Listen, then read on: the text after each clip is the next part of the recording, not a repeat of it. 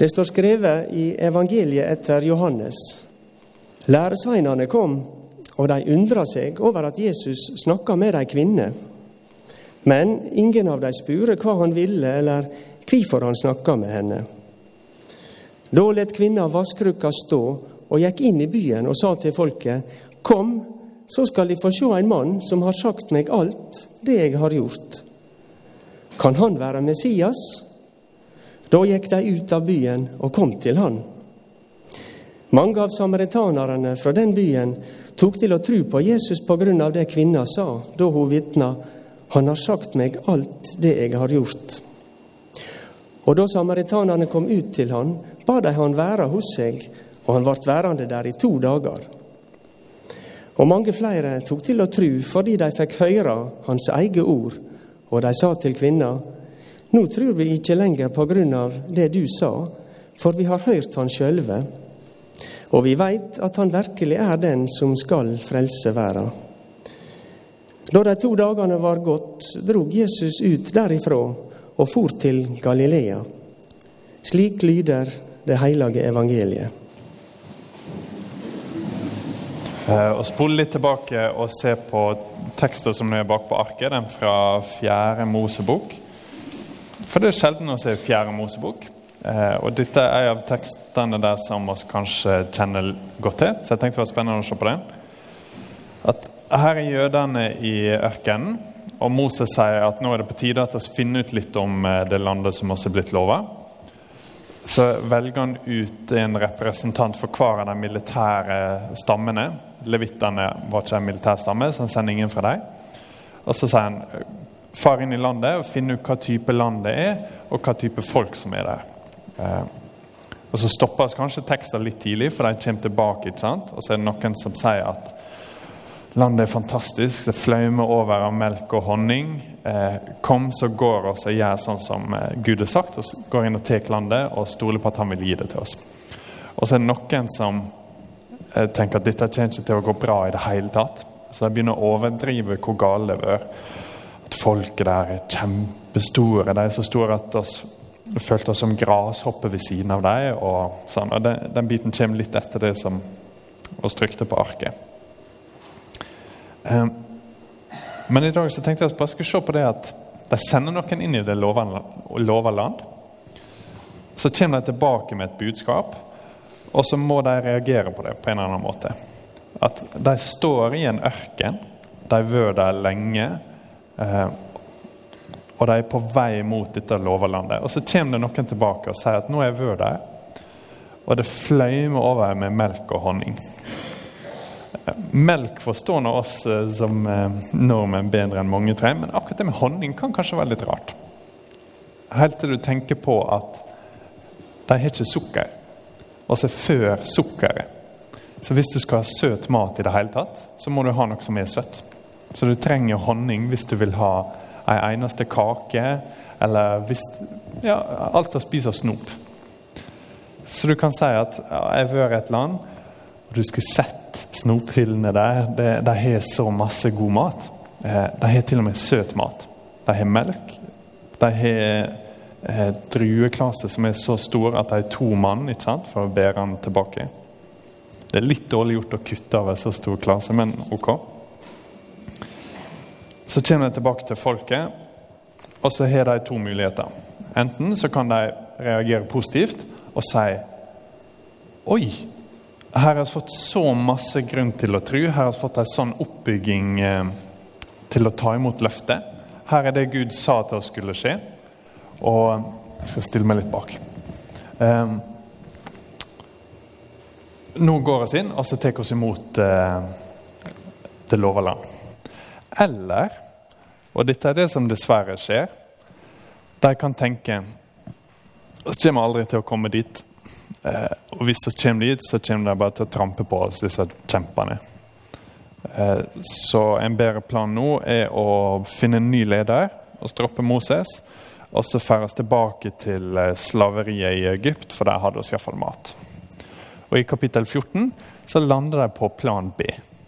At Nei, å høre om dette landet det virker som om det er ok. Men eh, Det er for vanskelig, og så drar heller tilbake til Egypt og være slaver. Og Sett i etterpåklokskapens lys er det helt sprøtt at det er det de lander på. Og heldigvis så klarer Moses og Aron å få unnverge det. Men de hører ikke på det utsendingene sier. Det de sier etter at de kom tilbake. De kommer med fysisk bevis. Her er denne megadrueklassen. Jeg vil heller til Egypt. I Det gamle testamentet så er profetiene og løfter de er knytt til dette livet. ikke sant? At Håpet der om det lova land er at de skal komme til dette området her i Kanan. At de skal få ta det i eie.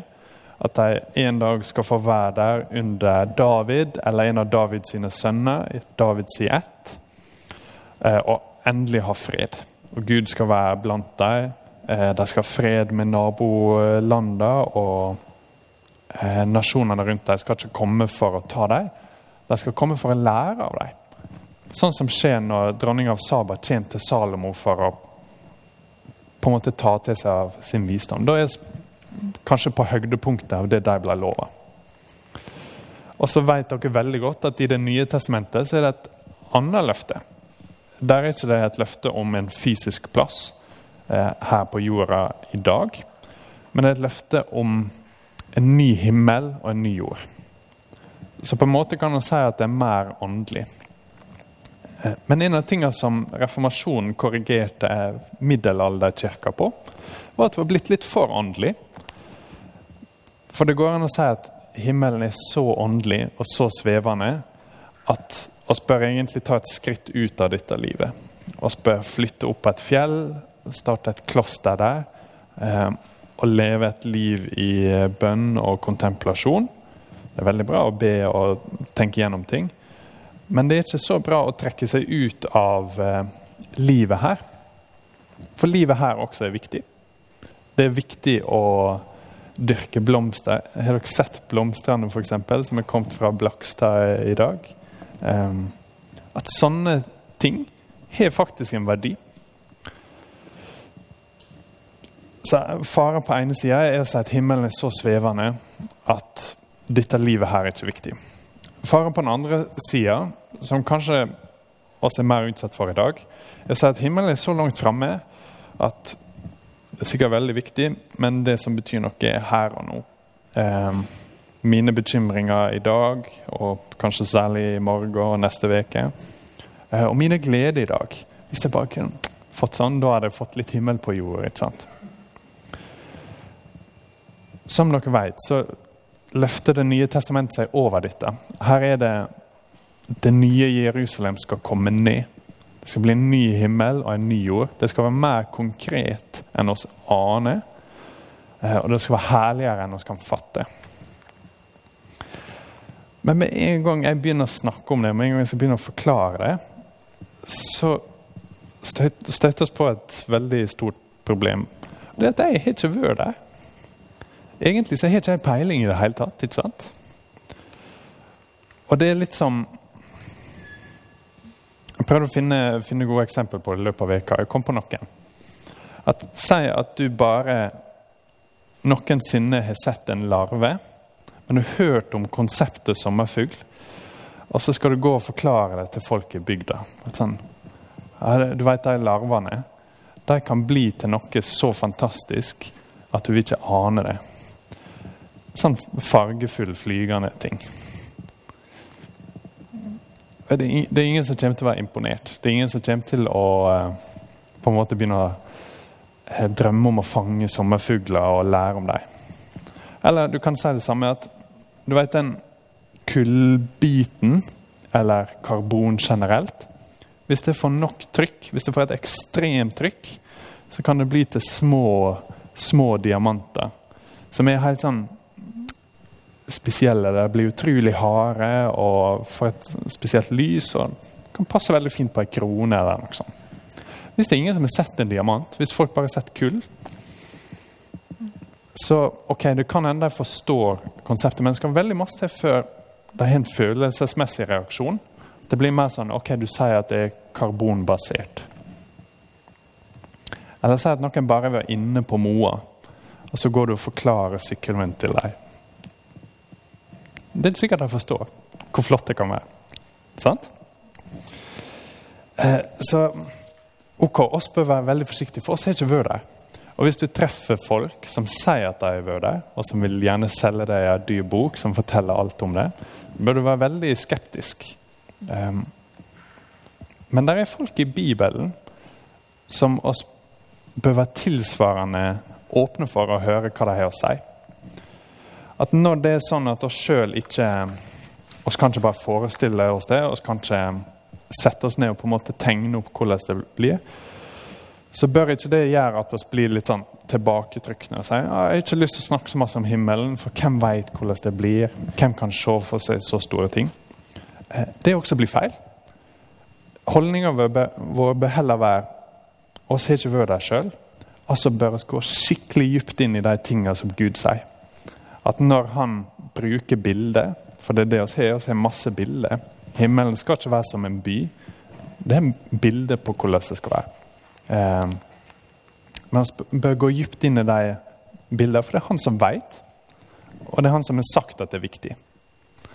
Eh, og vi har flere eksempel på, på dette. Eh, Gud er usynlig, ikke sant? Og vi har ikke evner til å se Gud. Men så er det likevel noen ganger i Bibelen at han velger å vise seg likevel.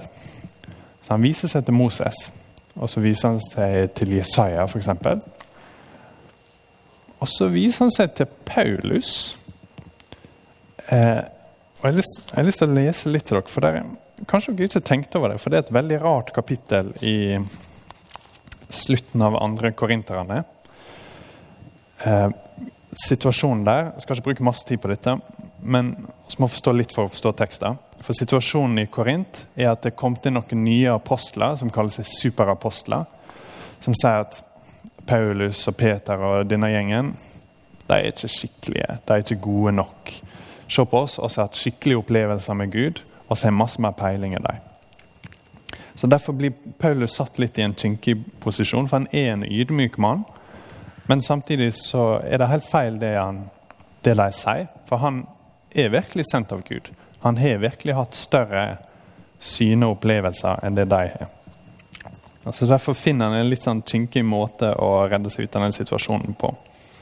Han sier jeg må skryte av meg sjøl enda det ikke tjente noe, for nå kommer jeg til syn og åpenbæringer fra Herren. Dette er 2. Korinterne 12. Jeg vet om et menneske i Kristus som for 14 år siden ble bortrykt til den tredje himmel. Tredje himmel, liksom ikke atmosfæra, ikke verdensrommet, men himmelen. Eh, som ble bortrykt til den tredje himmel. Om det var i kroppen eller utenfor kroppen, vet jeg ikke. Gud vet det. Og jeg vet at dette mennesket ble bortrykt til paradis. Om det var i kroppen eller utenfor kroppen, vet jeg ikke. Gud vet det. Og Der, der fikk han høre useilige ord. Ord som mennesket ikke er lov å tale. Av dette mennesket vil jeg være stolt, men jeg vil ikke være stolt av meg sjøl. Annet enn av veikskapen min. Men om jeg nå ville være stolt, så var jeg ikke fra vite, for det var sanninga det jeg taler. Men jeg lar det være, så ingen skal tenke høyere om meg enn de gjør når de ser og hører meg. Og for at jeg ikke skal gjøre meg stor av de høye åpenbaringene jeg har fått, har jeg fått en torn i kroppen, en satansengel som skal slå meg, så jeg ikke skal bli hovmodig. Og så kommer biten som dere husker. Om denne ba jeg Herren tre ganger at han måtte vike fra meg. Men Herren sa til meg, min nåde er nok for deg, for krafta blir fullenda i veikskap. Litt rar tekst, ikke sant? Eh, og så tenker du men her, Du sa at det var Paulus, men i teksten så sier han at det er en annen mann. ikke sant? Og Det handler om at eh, han har ikke lyst til å skryte av seg sjøl. Han toner det ned så masse som mulig, men det er ganske tydelig at det er han. Eh, han vet akkurat tid det skjedde. Det skjedde for 14 år siden. Han sier flere ganger at han vet ikke om det var i kroppen eller bortenfor. Han vet ikke hvordan det er mulig. Og kanskje tydeligst av alt denne, dette synet og den åpenbaringa er så stor at det er fare for at han kan bli hovmodig. Så derfor får Paulus et torn i kjøttet. Veldig rart hvis han skal få et torn fordi noen andre har sett noe stort. Så her er Paulus. Paulus har vært i paradis. Og han er veldig forsiktig egentlig med å si, si her hvordan det var, og hva som, hva som er. Men han er ikke forsiktig med å snakke om Jesus. Halve denne delen av Det nye testamentet er Paulus som snakker om Jesus, og som sier hvor stor han er, og at de skal følge han. For i teksten i Det gamle testamentet så gir Rett før det oss las, så er det en kar som skifter navn. Du kan, du kan se det i eh, Kanskje det står på det vi trykte, faktisk. Kapittel 13 vers 8 så er det en Hoseas sønn til Nun som skifter navn eh, i vers 16 til Josva. Moses gir han et nytt navn. Eh, fra nå av så skal han hete Gud, Gud frelse. Josva er det samme navnet som engelen kommer og sier til Maria at ungen skal hete. Som også blir Jesus. Det er det samme navnet.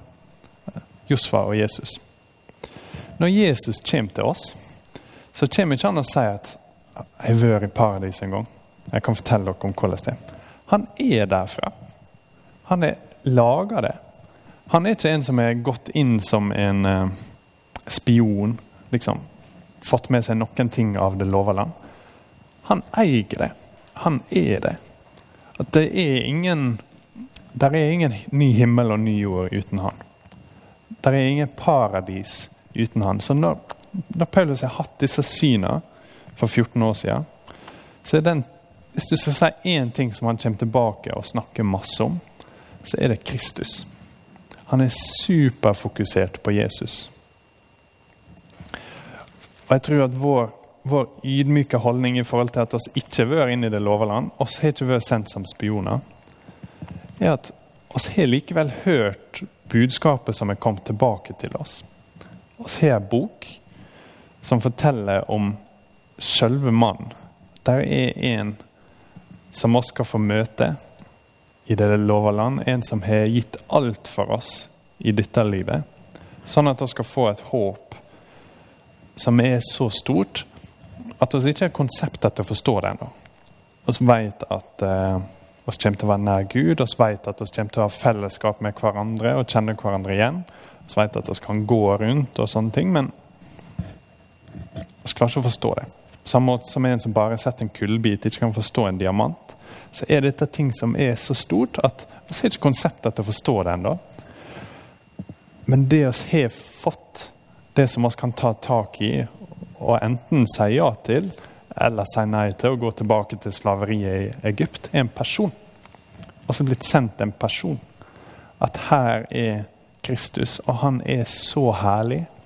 Han er så stor at hvis vi tar imot han, så får vi en smakebit på paradis. Og et løfte om et evig liv med han. Så la oss be. Eh, far, oss har ikke sett paradis, men oss har sett sønnen din. Eh, og med trua på Han så eier oss mer enn hva noensinne trodde var mulig. Så bygg oss opp mer og mer i trua på Han, eh, og hjelp oss til å bygge hverandre opp. Og det ber oss i Jesu navn. Amen.